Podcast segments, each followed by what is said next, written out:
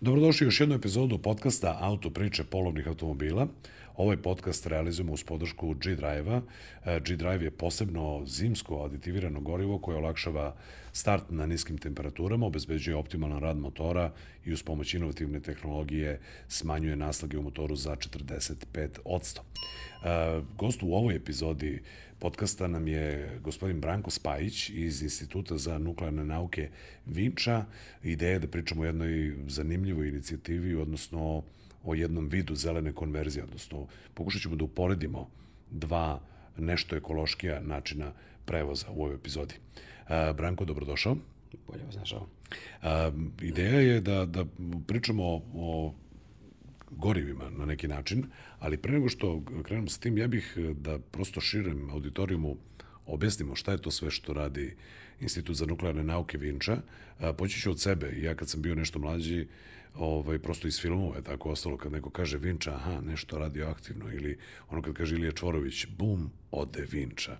A zapravo Vinča je ovaj, jedan institut koji radi mnogo toga. Pa hajde da krenemo od, od toga. Šta je sve radi Institut za nuklearne nauke Vinča? Prvo veliki pozdrav za tebe i za tvoje gledalce. E, mnogi tako misle. Institut Vinča stvarno odaje taj utisak, a i u pitanju je naučni institut. E, dobili smo status čak e, instituta od nacionalnog, nacionalnog značaja za Republiku Srbiju. Tu ima dosta zaposlenih, dosta centara koji se bave raznim poslovima. Između ostalog i centar za motori vozila koji je u okviru instituta za nuklearne nauke Vinča.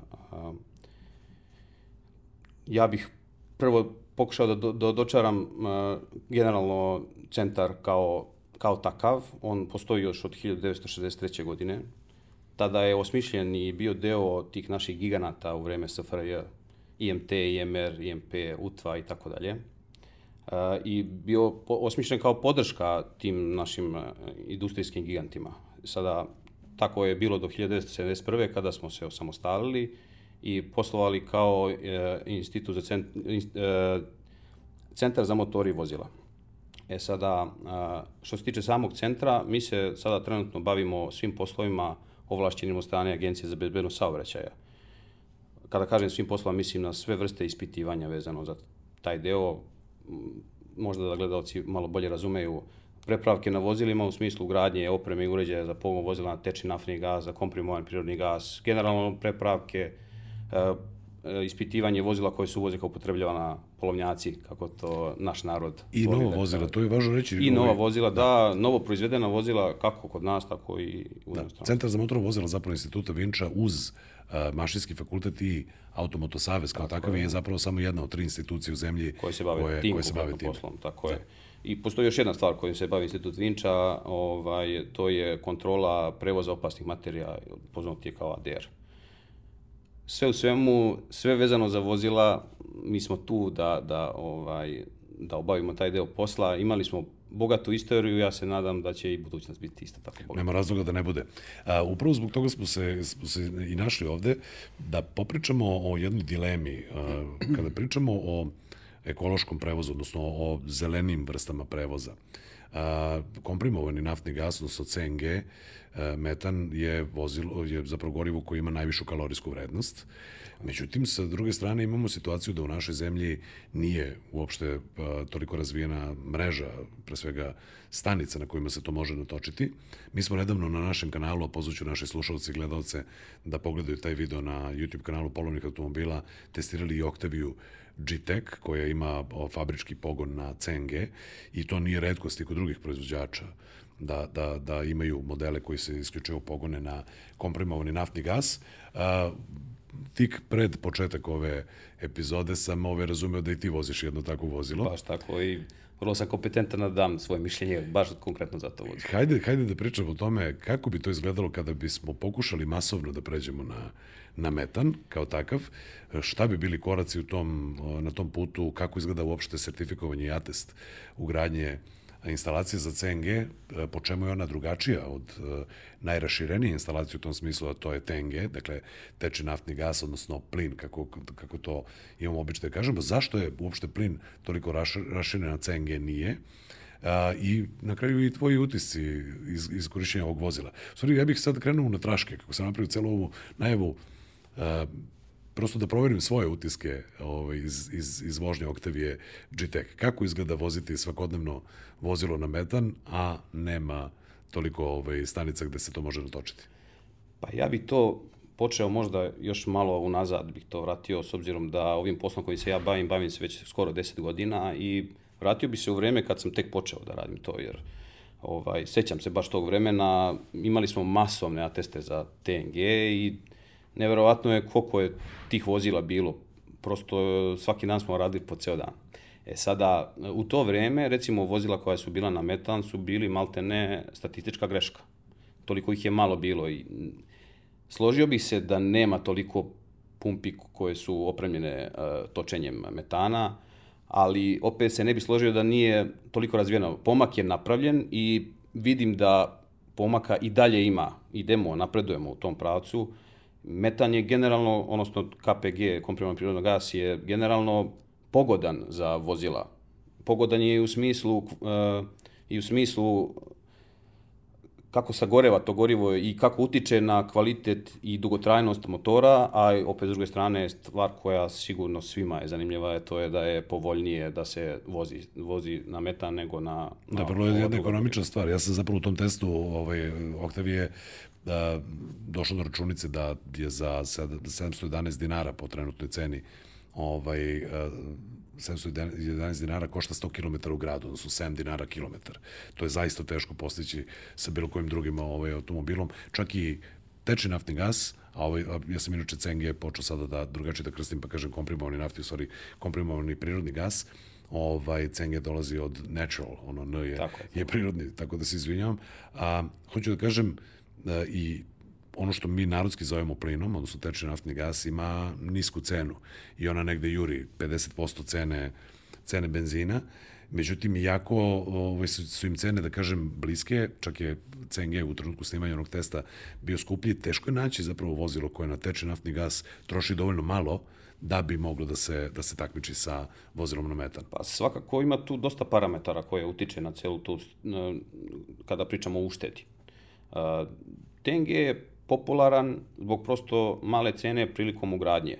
I to negde najviše odlučuje ovaj, što se tiče korišćenja takvog gasa. Mislim, to su sve, uh, ajde da kažem, i TNG gas i CNG gas, odnosno KPG, ovaj, ali m, drugačije je. TNG je u tečnoj fazi, i sistemom mora da se, ajde da kažem, prebacuje u gasnu fazu. No, zapravo menja agregatno, agregatno stanje. stanje. Tako je. A CNG je konstantno u gasnoj fazi i njegovo sagorevanje je sa mnogo manjom, mnogo siromašnijom smešom. Tako da kažem sad, ne znam da li će me gledalci razumeti, znači mnogo manje gasa treba da bi sagorelo u motoru. To je upravo i zbog te kalorijske vrednosti, ona zapravo pravi eksploziju sa mnogo manje...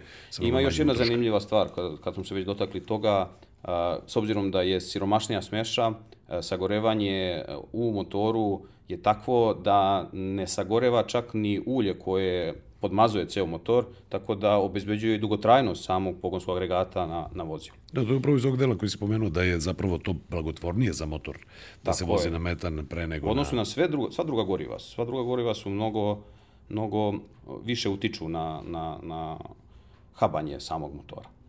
Dobro, je sad kada pričamo o, pomenuo si razliku između TNG i CNG instalacije, odnosno da je pre bilo ovaj, masovna ugradnja, pa i sada ovaj, TNG instalacije, dok CNG je tu kaskao, sada polako se, se pojavljuje. I prosto iz iskustva sve češće se dešavaju te Tako. konverzije. Međutim, sama razlika u, u sistemu, to su pre svega drugačije boce, jer se radi o drugačijim pritiscima, ali tako? Radi se o drugačijim pritiscima i ima raznih boca. Mislim, generalno te boce se ispituju na 330 bara otprilike, Ove, sad da ne baratamo baš uh, činjenicama, a radni pritisak je negde oko 200-250 bara. I sama ta činjenica utiče već na to da same boce budu drugačije. Postoje te čelične boce koje su po svojoj masi dosta ovaj, velike i zbog toga nije ih moguće ovaj, ni ugraditi u svako vozilo, odnosno moguće je ugraditi, jer onda stvarno uzurpirate ceo prostor u prtljažnom prostoru. One su prosto bile od uvek i veće i teže od I veće boca i za, za, za tenge. Tako je i kada sve to uzmemo u obzir, naravno i skuplje. Tako da sama ugradnja TNG-a je dosta jeftinija odnosu na, na, na metan.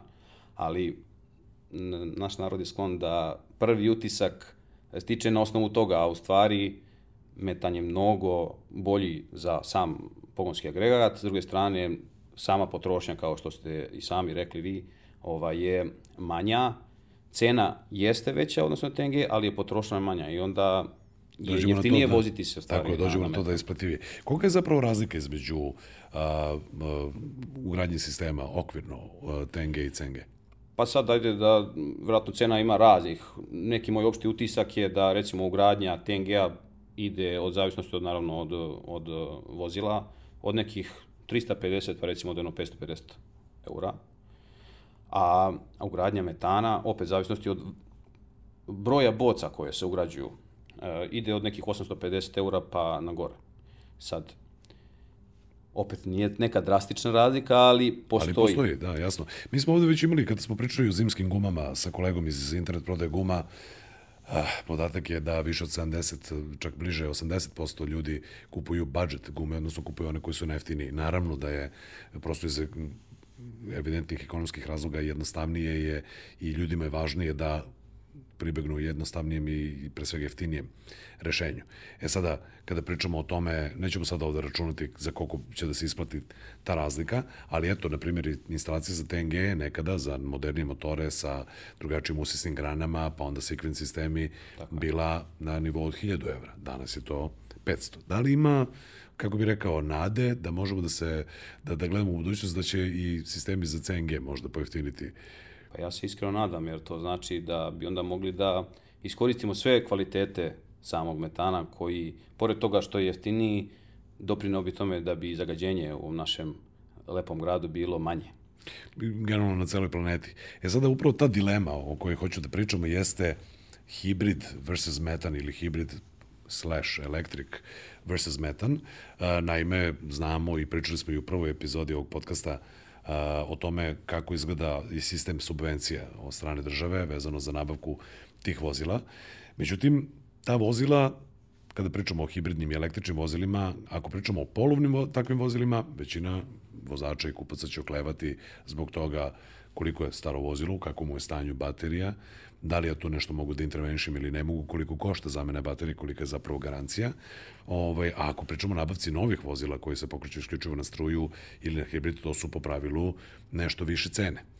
E, I onda kada dođemo ovaj u, kada to stavimo u perspektivu toga koliko nam je star vozni park i kakva je kupovna moć prosečnog ovaj srpskog vozača, dolazimo do zapravo tužne činjenice da ta modernija vozila sa tim sistemima koji manje zagađuju, a koji se kvalifikuju za subvenciju, zapravo ne mogu baš svi da Nisu nabave. pristupačna do- Nisu pristupačna širom broju ljudi.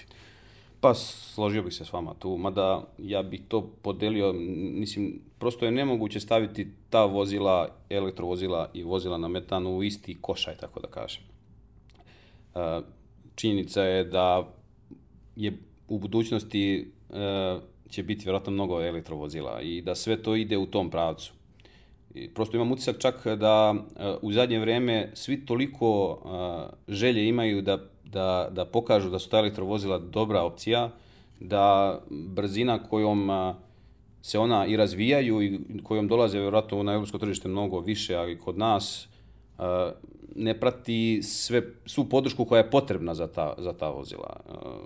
Generalno što se tiče i tih punjača i, i, baterija i na kraju krajeva tek ćemo da vidimo kako će da se ponašaju ta vozila posle nekog vremena korišćenja i same, mislim, same baterije koje su stvari bolna tačka svih. Osjećam da kako je kod dizel mo- e, vozila e, zamajac bio problem Plivajući zamajac, tako će ovde biti... tako je, sad će biti sa, sa baterijama, ovaj, imat ćemo samo novu bolest. Da, da, da, umesto na P plivajući zamajac, bit će, bit će B, baterija. Da, baš tako. Tako da, ovaj, bit će to zanimljivo svakako u nekoj budućnosti, ali ja bi to opet podelio na neke dve stvari koje su s moje tačke gledišta totalno drugačije. Metan kao metan i, i, i komprimovan prirodni gas je stvar koja može da utiče da već postojeća vozila koje imamo na našem tržištu e, budu e, takva da manje zagađuju okolinu.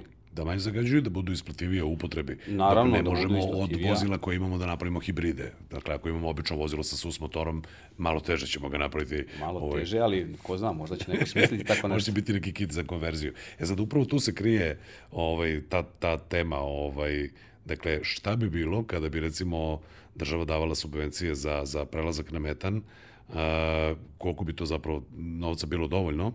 I još jedna jako važna stvar, ovaj, a o tome ćemo malo kasnije, vozila koja, odnosno konverzija na metan nije rezervisana samo za benzinske motore. Pa tako je, konverzija na metan je rezervisana i za dizel motore. Sada te preprake su malo skuplje, ali svakako se isplate. E, Na duži vremenski period, e, ko prelazi dosta kilometara, svakako može da bude opcija. I opet kažem, e, veliki broj vozila je koje već koristimo.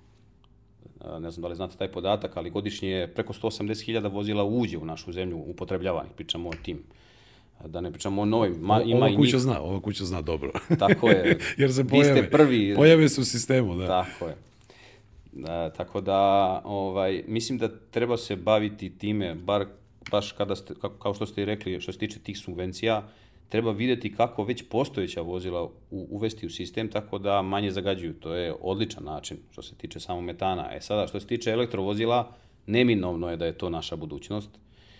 Trebamo da idemo u skladu sa tim i treba da idemo napred i treba da pratimo naravno ostale zemlje u Evropi. Ima mana, cenim da će to vremenom da Brzina se... punjenja, domet i tako dalje, Tako je. raširenost mreže, ali, ali, kako bih rekao, za većinu voznog parka u Srbiji električna, električno vozilo je možda u ovom trenutku 20 godina od nekog prosječnog korisnika. Slažem se, apsolutno. Ili čak, možda čak i plug-in hibrid. Ovaj, jer kad pričamo o tome da većina ljudi na, na polovnim automobilima pretražuje nešto što se kreće u rangu do 3, 4, 5 hiljada evra, u tim, ovaj, da kažem, novcima nema hibrida kome ovaj, mlada baterija, nema električnog vozila koje je upotrebljivo. Dok ne smislimo način da prepravimo hibride, ne. Neko će smisliti sigurno. Samo da se Vinče prilagodi da to hoće da testira. Pa ja, mi smo tu, uvek. ok, e sad hajde da pričamo o tome kako zapravo izgleda a, atest a, vozila koje ima pogon, a, odnosno ima mogućnost a, da koristi metan, a, šta su neophodni koraci i ko, kako, kako, kako uopšte izgleda ta procedura. Pa tu opet delimo vozila na ona koja su proizvedena sa tom opremom i uređajima i vozila koja se naknadno preprave. Sada, što se tiče vozila koja su proizvedena, e, potrebno je e, obezbediti potvrdu koja će to da dokazuje. Obično to bude potvrda predstavnika proizvođača. Čak što više ima sad na tržištu i još dve firme koje izdaju određene potvrde s kojima isto moguće to, ajde da kažem, na neki način dokazati. I onda se sprovodi procedura kontrolisanja ugradnje opreme i uređaja za pogon vozila na komprimovani prirodni gas u ovom slučaju. Proverava se opšti, opšti sistem, proveravaju se svi spojevi, proverava se boca, godište boce u smislu trajanja same te boce, pošto ona po, deklarisana po, po proiz, od strane proizvođača je 20 godina korišćenja. Tako da te stvari se proveravaju i e, atest, kako to naš narod voli da kaže, se daje na četiri godine. I svake četiri godine vlasnik je u obavezi da dođe da mu proverimo sav taj sistem zbog i njegove, a i bezbednosti ljudi koji su učesnici u saobraćaju. Jasno. E sad, kada pričamo, o, opet bi se vratio na kratko na TNG, da, i tu postoji isto rok do kada važi atest. Tako je. Međutim, e, sama upotreba sistema, kada pričamo o modernim sistemima za TNG, oni uključuju i određene, određenu vrstu održavanja od strane vlasnika. Dok, koliko sam razumeo, za komprimovani prirodni gas, tu nema nikakvog dosipanja ulja, dodatnog... U... Pa nema, baš iz tog razloga što je taj sistem vrlo, vrlo, vrlo pouzdan i jednostavnije održanje. E, Ja sam baš za svoje vozilo otišao kod majstora da proverim, jer kada sam tek počeo da ga koristim, na neki način nisam nije bio toliko blizak tome kada, sa stanovišta korišćenja vozila. Šta sad treba da radiš? Šta da, da proverim i molim te, da li ja trebam da menjam nešto, kao što vi kažete. Da. Međutim, ispostavio se da ne treba menjam ništa. Jedina stvar koju kontrolišu u, u servisu jeste kvalitet lambda sonde, odnosno informacija lambda sonde koju ona daje računaru na, na vozilu, koji je kvalitet smeše. Ako se taj kvalitet smeše, odnosno izduvnog, e, izduvnog gasa menja i na neki način su parametri loši, odnosno ono kako, je, kako bi trebalo da bude, vrši se promjena te lambda sonde i to je sve mislim da bismo imali samo kvalitetnu informaciju što se tiče našeg vozila. Dakle, sa strane, ajde kažem, krajnje korisnika, kada pređe, ako pređe na, na komprimovani prirodni gas, a, posle toga ne mora da brine, nego da prosto prati ove, šta mu vozilo negde saopštava. Ako pričamo sad o tome da smo recimo konvertovali neko vozilo koje je staro možda 12 godina, ili 15 godina i konvertirali, konvertovali smo ga u komprimovani prirodni gas, on dakle samo na svake 4 godine treba da dođe da obnovi atest. Tako je. Narodski rečeno, a nema nikakvog dosipanja ulja, provere nema, nekih filtera nema nikakvih, da. i tako dalje. Vrlo, vrlo zahvalan, zahvalno gorivo. Vrlo. E sad, ono što je mana ovaj, kod, kod tog goriva, da tako kažem, jeste, barem kod nas, jeste raširenost pumpnih stanica, gde se to sve može natočiti. Ako se ne varam, mislim da, da NIS ima, recimo, u celoj zemlji ukupno ovaj, pet komada, od toga dve u Beogradu, po jedna u Nišu, Novom Sadu i Čačku. Uh, I ovo je možda i pravi trenutak da pomenem još jednom da ovaj podcast realizujemo uz uh, podršku G-Drive-a. G-Drive je posebno zimsko gorivo koje je aditivirano i koje olakšava zimski start, produžava vek motora, poboljšava njegov rad i smanjuje naslage u motoru za 45% zahvaljujući novoj inovativnoj tehnologiji. Uh, dakle, nisu ih pumpi ima uh, pet uh, na teritoriji grada Beograda. Ukupno mislim kada sam baš ispitivao kako je stanje na tržištu kada smo testirali tu Octavia G-Tech, da ih ukupno na teritoriji Beograda ima sedam. To nije računalno Pančevo. U Pančevu znam da postoji ovaj, nešto bolje pokrivenost. Zašto je to tako?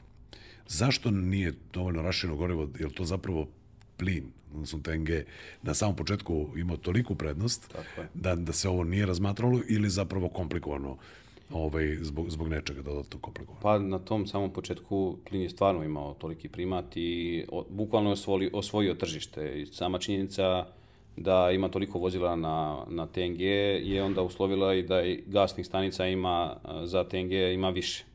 E sada, a, broj vozila koje se koriste sa pogonom na komprimovan prirodni gas svakako se povećava i mislim da se i broj tih pumpi na kojima možete natočiti komprimiran prirodni gas isto tako povećava. Tako da cenim da će to srazmerno tržištu sve se prilagoditi, jer generalno, mislim, problem je transport uh, tog samog komprimiran prirodnog gasa. Moraju specijalni sudovi da postoje za tako nešto. To je zbog drugačijih pritisaka o kojima tako smo pričali. Je, Dobro. zbog drugačijih pritisaka, i, ali mislim da tržište prati da će se desiti konverzija i što se tiče ovaj, mesta za, za, za točenje.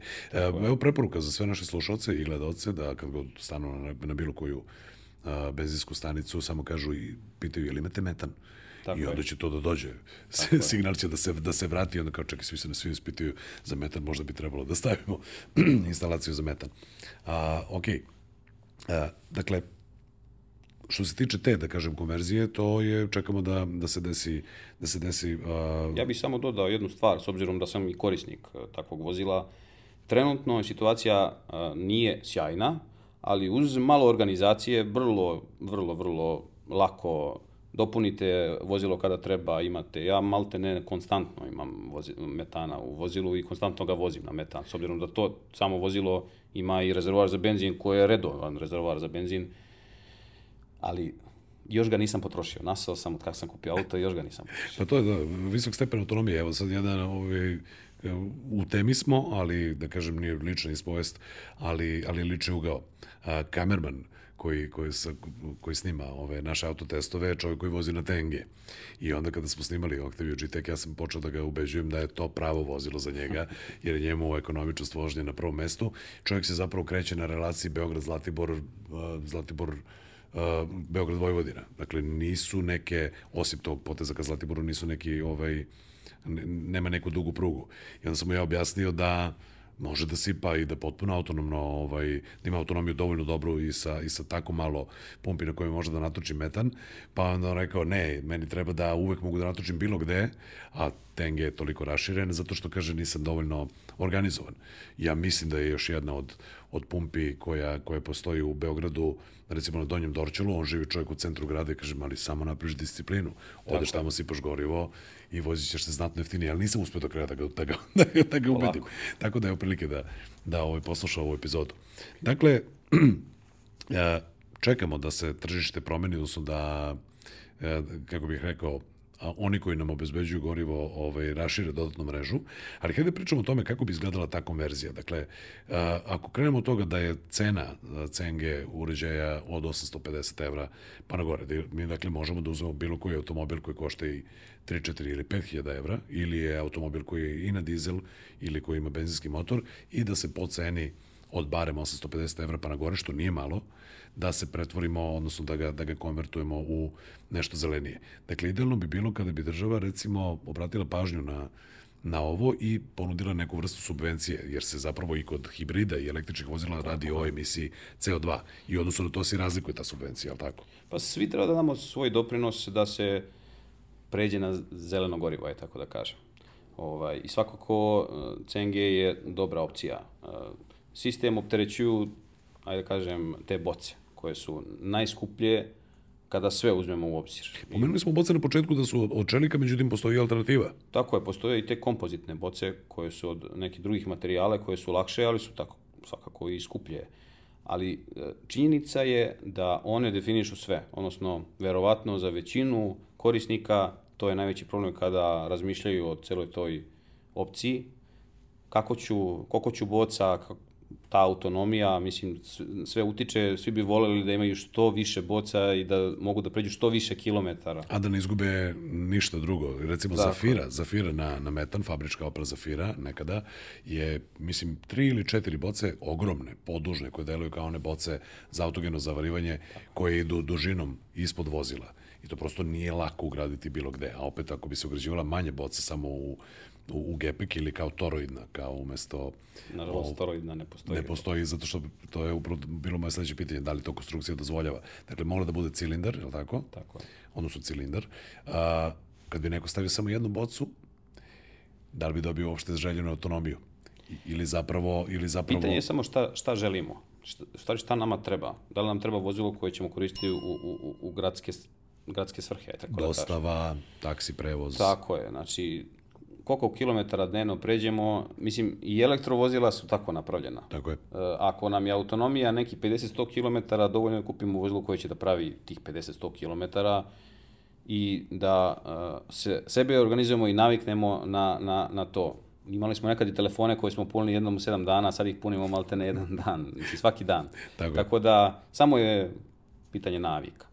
A sada, što se tiče tih subvencija i što se tiče tih boca, Ovaj, mislim da stvarno bi trebalo u tom pravcu razmišljati. Baš iz tog razloga što je ogroman broj vozila koje se već koriste i koja ta vozila, treba naći način da ta vozila uvedemo u taj sistem, da kažem. Zato što o, osim prostora za boce i same cene, generalno druge prepreke ne postoje. Tako je.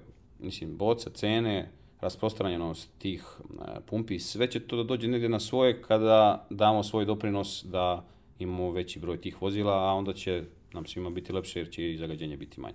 Ja se zaista nadam da nas sluša nekoga ovaj, od donosilaca odluka, odnosno da razmišlja ja u ovom pravcu. A, dakle, idealno bi bilo da postoji neka vrsta subvencije za za ugradnju sistema. Ka, koliko traje zapravo o, ceo postupak atesta u Centru za motorna vozila i ajde u krajnjem i koliko košta, iako ovo možda ne bude relevantno nekome kada bude slušao epizodu možda tako za par godina. Nismo, se, nismo završili čak ni taj deo vezano Hajde, za novo, novo ugrađen sistem za komprimovani prirodni gas. Uh, dotakli smo se što se tiče fabričko, fabričke ugradnje, tako da kažem.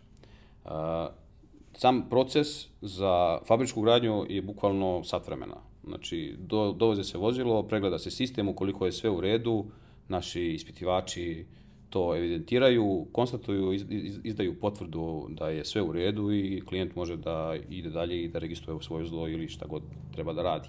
A što se tiče novo ugrađene opreme, klijent dolazi kod nas sa pratećom dokumentacijom od servisera, sa pratećom dokumentacijom od vozila, gde maltene sličan je pristup pregleda vozila samog, s tim što Činjenica je da se menja masa vozila jer je ugrađen neki novi sistem i te boce koje su poprilično teške. E, moraju da prođu određeni proces ispitivanja i sa stanovišta utvrđivanja mase vozila. E, ispitivači izvrše pregled, konstatuju činjenično stanje, izdavaju određeni izveštaj kojima, kojim konstatuju da je izvršena promena na vozilu. E, vlasnik je u obavezi za svim izveštajem da ode na tehnički pregled Jer činjenica je da je promenjena masa, potrebno je proveriti i ostale, ostale parametre na vozilu, da li oni mogu da podrže tu promenu vozila. Kočenje i Tako tako, je. dalje, jasno. Izduvna emisija i tako dalje, tako dalje. Svašta nešto, mislim, ne bi smelo da bude problema, ali mora da se proveri. Jasno. E,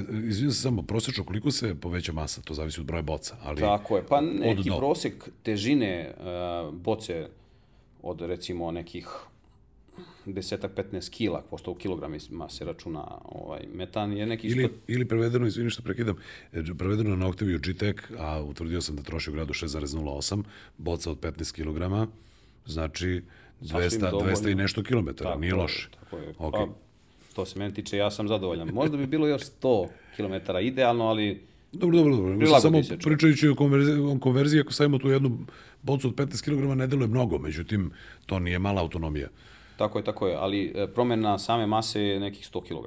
E, pa to je, dakle, za 15 kg metana, da bi Tako mogli je. da ga imamo u kolima, povećali smo masu vozila za, za 100 kg. Tako je. Tako Dobro, izvinjam se, pošto sam prekinuo, vraćamo se na to. Sve u redu, naravno.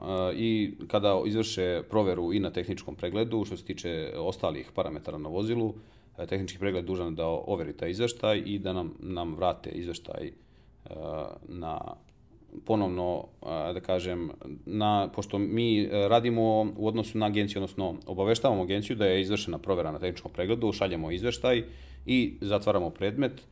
U principu praksa je ovaj, pokazala da sutradan bude recimo ovaj, e, uverenje i potvrda na štampi. Tako Dakle, da postoji neko- praktično nekih najkraći mogući period da se to završi je dva dana.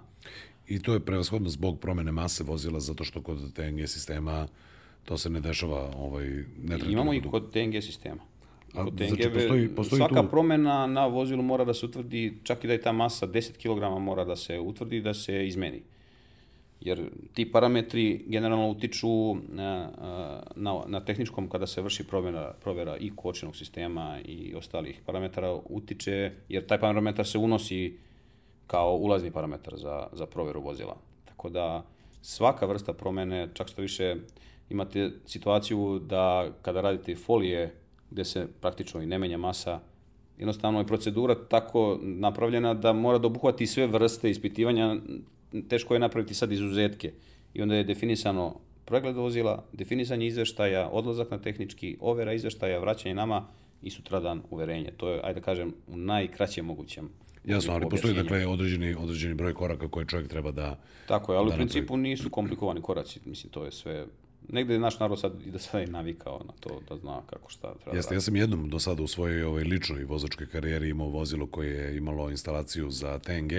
Kupio sam ga, ovaj, to je bila fabrička instalacija i tada sam se recimo iznenadio da, pošto automobil je bio mlađi od 5 godina, da se zapravo on ne radi Tako je. iz početka atest, nego važi. Dakle, kada je fabrička instalacija, tako konkretno bila TNG u pitanju, da u prvih 5 godina se to ne ispituje, nego, nego prosto dovoljno je godište proizvodnje Pa dovoljan vozila. dokument, to obično ovaj, bude taj COC dokument koji kaže koji su sve parametri vozila gde i svakako i piše da je vozilo sa pogonom na benzin, TNG recimo u tom slučaju i piše proizvodnja, datum proizvodnje vozila, vlasnik pet godina nema potrebe da ide na bilo kakve promene, praktično ispade kao da je vozilo ugrađeno taj dan kada je proizvedeno, naredni pet godina ništa ne proverava, onog momenta kada istekne pet godina dolazi na kontrolu, znači izvrši se kontrolisanje opreme i uređaja i onda se daje potvrda koja produžuje još pet godina, a ukoliko naravno boca to podržava. Ja samo da prevedem ovo COC, zato što je to meni ovaj, uh, sjajna ovaj, jezička uh, zavrzlama, kako se to kod nas Tako je. kaže, COC, Certificate of Conformity, odnosno uverenje o saobraznosti, ako ne grešim. Tako je, baš tako.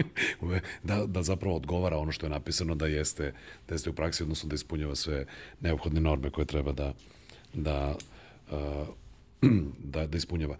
I sada, ovaj, dakle, kad bi sad za donosioce odluka, ako nas slušaju, morali da tu subvenciju sažmemo ovaj, i da, da stavimo na kalkulator, koliko bi bilo dovoljno? Da li bi bilo dovoljno 1000 i po ili 2000 evra da se, da se da podsticaj za one koji bi želeli da pređu na metan, da li bi čovjek mogao u tom ovaj, okviru da sasvim sigurno izvrši konverziju? Pa moje mišljenje je da možda to moglo da bude mnogo, mnogo manje. Mislim da ljudima malo treba za tako nešto. Jer činjenica je da je TNG uzeo maha sa nekom cenom koja je relativno manja za 300-400 eura. Znači, čak i da bude i ta cena, što praktično je možda dovoljno da se kupe neke boce, bilo bi sasvim, sasvim sigurno dovoljno. Svima bi, mislim, većini bi se to svidelo, sad ako može više, naravno. Mislim. Jesu, jesu, ali dakle, dovoljno bi bilo recimo da postoji subvencija ko žele pređe na metan, samim tim smanjuje CO2 emisiju, evo, od države 500 recimo evra ili, recimo, ili nešto nešto slično i pređite na, tako je. na metan. Da, zato što ovaj, prosto ne mogu da, da pređu na hibrid, ne mogu. ok. A, vrlo zanimljiva stvar ovaj, u pripremi zapravo ove epizode, kratko smo popričali o tome, A, rekao smo malo čas više puta da mogu i dizel i benzinski motori da se konvertuju na metan. Međutim, a, ono što bi prosto prosječan gledalac ili slušalac ne bi pretpostavio jeste da se zapravo i teretna vozila prebacuju baš tako. na metan. I u zadnje vreme veliki broj tih teretnih vozila se prebacuje na metan baš iz razloga zato što može i benzin i dizel. Ovaj, postoje i fabričke izvedbe takvih. Najpoznatiji su i Veko, Mercedes, Scania, i Veko prvenstveno kod nas najviše takvih vozila baš ima sa pogonom i uštede su ogromne, a emisija, odnosno e, drastično, drastično manje, manje štete okolini. Zapravo zbog visoke kalorične vrednosti uštede još veće, rekao bih, u, u, u korišćenju u teretnim vozilima nego... Pa činjenica je da se takva vozila koriste u eksploataciji i da se njima prelazi veliki broj kilometara, a metan je takav da što više kilometara pravite, veća vam je ušteda. Dobro. šta bi mogli još da kažemo kada pričamo o tome hybrid versus metan versus electricity, što bi rekli. U jednoj od epizoda smo imali ovde i Denog Janovića iz Star Importa, odnosno čoveka koji je tehnički trener ovaj, u Mercedesu, pa smo pričali o tome šta se radi sa baterijama i šta je inače plan u budućnosti šta se već radi u Nemačkoj, pa se te baterije odlažu u posebna, u posebna postrojenja koje služe kao UPS, odnosno kao dodatni napon za, na, da tako kažem, peglanje, odnosno, um, kako bi rekao, smanjivanje naponskih razlika u samom sistemu, pre svega Nemačke. Dakle, mi ovde s jedne strane imamo hibride i električna vozila koji imaju neki svoj rok upotrebe, imaju određenu garanciju na baterije i onda posle moramo da vidimo šta ćemo da radimo sa tim baterijama, a ovde sa druge strane imamo o, instalaciju za CNG koja je, eto, ima rok trajnosti od 20 godina i zapravo nemamo nikakvih problema sa, da kažem, njenim odlaganjem.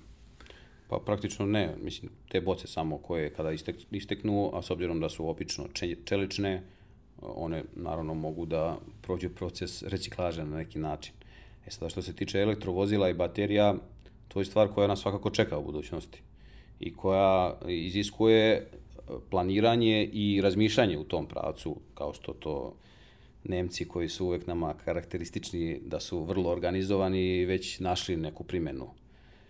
Sad, pitanje je opet i to nije sigurno dugotrajno rešenje, to opet sigurno može skoristiti neki vremenski period i ne verujem da baš mogu sve te baterije da iskoriste u tom pravcu, ali da ne bi ljudi mislili da sam ja sad protivnik elektrovozila, ja to vrlo podržavam i smatram da je budućnost ovaj, naša u elektrovozilima, samo jednostavno treba imati plan i razmišljati o tome šta raditi sa tim.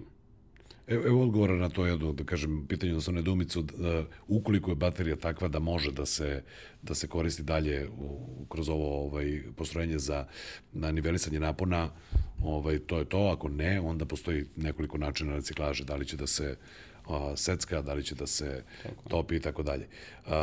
Ja nisam apsolutno protivnik električnih vozila i baš kad smo sad testirali nedavno Renault Zoe, u komentarima ljudi se uglavnom uhvate to za baterije, garanciju i tako dalje.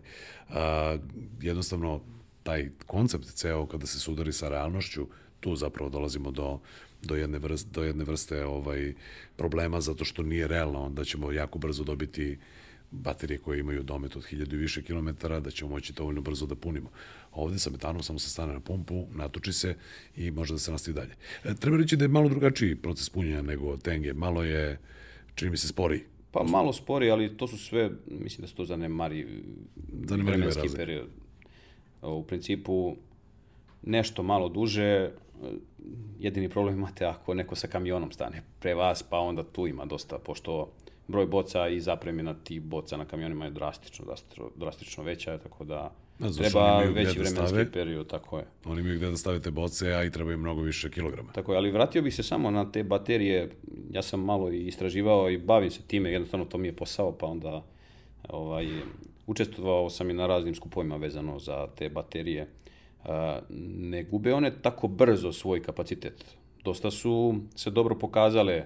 Mislim, svakako će trebati vreme da mi svi shvatimo te neke stvari, jer nama to sve je onako dosta nepoznato, ali ja koliko sam uspeo da saznam, kapacitet tih baterija se vrlo, vrlo sporo ovaj, smanjuje, aj tako da kažem. No, zavisi od toga kakva je upotreba. Dakle, inače preporuke proizvođača su da se nikada ne puni do kraja, da to ima, prosto da bi se produžio vek, ali čuli smo upravo u toj, u toj epizodi ovaj, od Dejana da se ra, radi na razvoju solid state baterija, koje će onda mnogo lakše i jednostavnije moći da se, da se puni prazne, a da zapravo ne, ne trpe toliko u tom procesu.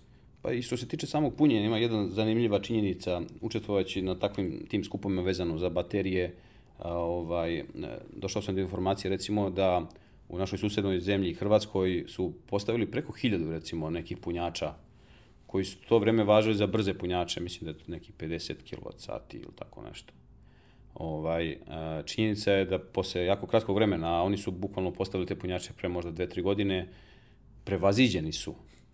I onda is- ispalo je sada da ti brzi punjači više sta- nisu tako brzi punjači. Nisu dovoljno brzi, da. Tako da e, svakako e, razvoj tih vozila i baterija i punjenja je dosta brz i vrlo brzo će tu biti vrlo zanimljivih stvari ako mene pitate. Dobro.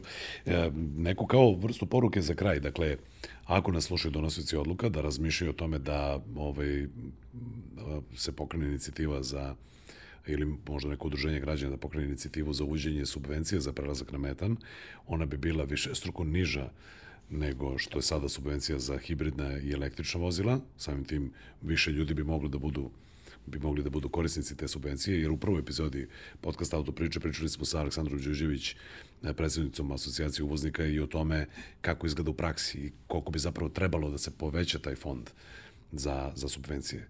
Ovaj, zato što zapravo ni, ne može ni da bude iskorišten ovaj, na najefikasniji način. Dakle, poruka za donosioce odluka, razmišljajte o subvenciji na metan, više ljudi bi moglo da, da se prebaci Tako je. Mislim, ja bih svakako pohvalio subvencije što se tiče elektrovozila i sjajna stvar, jer svi dajemo doprinos da se ovaj, što veći broj takvih vozila pojavi na našem tržištu, ali opet se vraćam, treba ostale, ostala vozila kojih je ogroman broj uvesti u taj sistem i to bi bio baš taj način koji sada ti pominješ, mnogo manje za mnogo više. Evo, što je evo matematike. odlična... Evo matematike. Dakle, subvencija za hibridno vozilo je 2500 evra. Za te pare, dakle, ako smo se dogovorili za vreme ovog podcasta, onako malo ovaj, daštajući, što bi rekli, da je to 500 po vozilu, to je 5 vozila. A za full electric vozilo je subvencija 5000 evra. 10 vozila. Tako dakle, 1 prema 10, odnosno 1 prema 5. U svakom slučaju napravit ćemo ozbiljan pomak. Ja se zaista nadam da, da, da će to neko da, da, da čuje. Dakle, uh, a kad, kad to bude počelo se dešava ili mi počnemo da pitamo, kao što smo rekli, da pitate na pumpi jel imate metan, da će onda i, i mreža da bude raširenija i svi ćemo se, uh, da kažem, velikom mi većinom... u laboratorijama koji se bave ispitivanjima ćemo više posla, tako da i to nije tako loše. Pa dobro, da, nije to osnovni cilj, ali, ali, ali Naravno. razumem. dakle, e, glavni problemi su raširenost mreže i cena. O, na ovaj način ćemo, ovaj, nadam se, uticati i na jedno i na drugo i ovaj, uskoro poraditi svi zajedno na čistim vazduhu. Ja se iskreno nadam. Pred sam kraj, Branko, jedan lični utisak, kakvi smo kao vozači, kakav je fotorobot srpskog vozača, to sam ovaj, pitao do sada. To mi je zanimljivo, primetio sam da to pitate. Ovaj, na- Interesuje me lični doživlje, zato što nekako Ali me utisak... interesuje da li treba da pričam sa stanovišta mene kao Lično, vozača lično. ili vozača koje okolo srećem. Pa, to je lični utisak svakako. Dakle, kakvi su to vozači oko nas, a na kraju krajeva kakvi si ti kao vozač, ali kako bih rekao, usta moja hvalite me, ja za sebe mislim da. vozim sjajno i da sam vrlo tolerantan. Pa mislim da svi mislimo da tako da vozimo Niko ne sjajno, ume kao ali- ja. tako je. Ovaj, pa vrlo smo zanimljivi kao vozači. Idemo iz, bukvalno iz krajnosti u krajnost.